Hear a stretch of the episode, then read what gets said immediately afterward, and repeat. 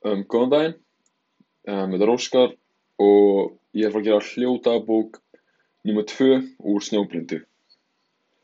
Og sem sagt, ég á að tala um þrjár mismunandi manneskjur og fyrsta manneskjan sem ég valdi var Leifur og svo var það Pálmi og svo er það Kalli.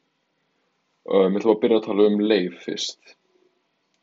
Sem sagt, fyrsta spurningin er um, hvað persónan segir og mér finnst mikilvægast að það sem Leifur segir er bara að hann fyrirgefur ekki neinum. Það segir mér mikið um hann bara strax. Og já og svo verður þannig að spurningin tvö er bara hvað personan gerir. Sko Leifur er mjög skipulaðan maður. Hann gerir alltaf sama okkur einasta degi. Hann fer alltaf hann er alltaf heima á sér annarkort fer hann út með hundin sín og svo hann að vinna í sjoppinni og ef ekki það þá um, er hann bara heima á sér í verksmið, eða í smíðastofunni sinni, já, bara búið til.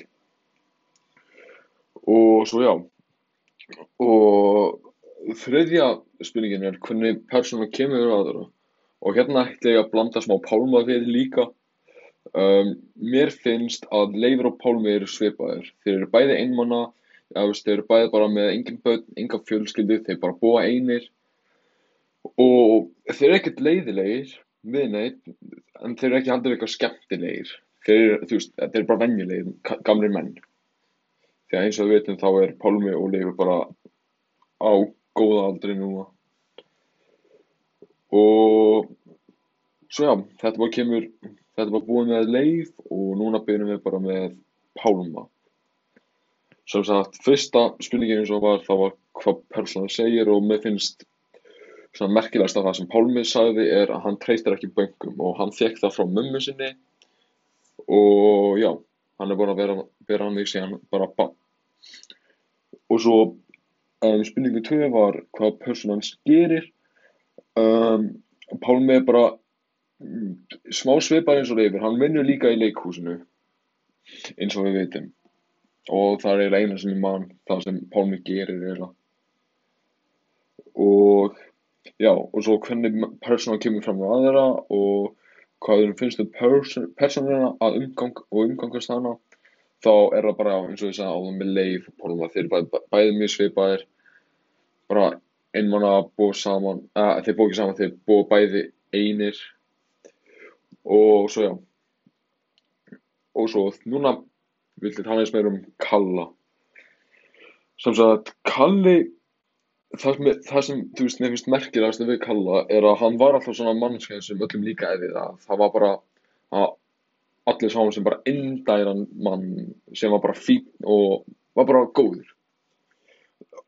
En það sem mér finnst merkilegast að það sem hann hefur sagt er að þegar Ari fór heim til hans og gerur svona smá viðtal við hann Þá sagði Kalli við Ara að hann hann. Ara ef Ari segir eitthvað um, um leyndarmál hans Kalla og eins og við veitum leyndarmál hans Kalla er að hann draf tvær konur eina í Kaupmannahöfni og svo var það líka mamma hans Pálma. Svo já. Og hvernig persónan kemur fram með aðra? Nei, hvað persónan gerir um, það er bara að hann vinnur bara í leikhúsinu, hann var leikmaðurinn ef ég mann rétt. Og hvernig persónan kemur fram með aðra, já eins og þess að hann er með svona tvö, tvær persónir í sér, hann fólki líka mjög mikið við hann fyrst en, og, sér, og þú veist sérstaklega Ara, hún er líka mjög mikið við Kalla fyrst, hann hittar alltaf í hana fiskibúinni og við spytta alltaf saman og bara já já já, bara já. En svo með tímanum byrja að koma svo margar um, sannanir eða ekki beint sannanir bara um, og fólk sögðu alltaf eitthvað um Kalla Kalli var alltaf svona eitthvað svona vandmanniski og svo með tímanum byrja að sjást að Kalli er ekki jafn eindæll og fólk sögðu að hann væri. Sem var mjög sérstækt fyrir mér. En heyrðu þá held ég að þetta bara komi núna. Um, svo já. Og ja, senast það áðurinn þegar þá Kalli er fínn við aðra.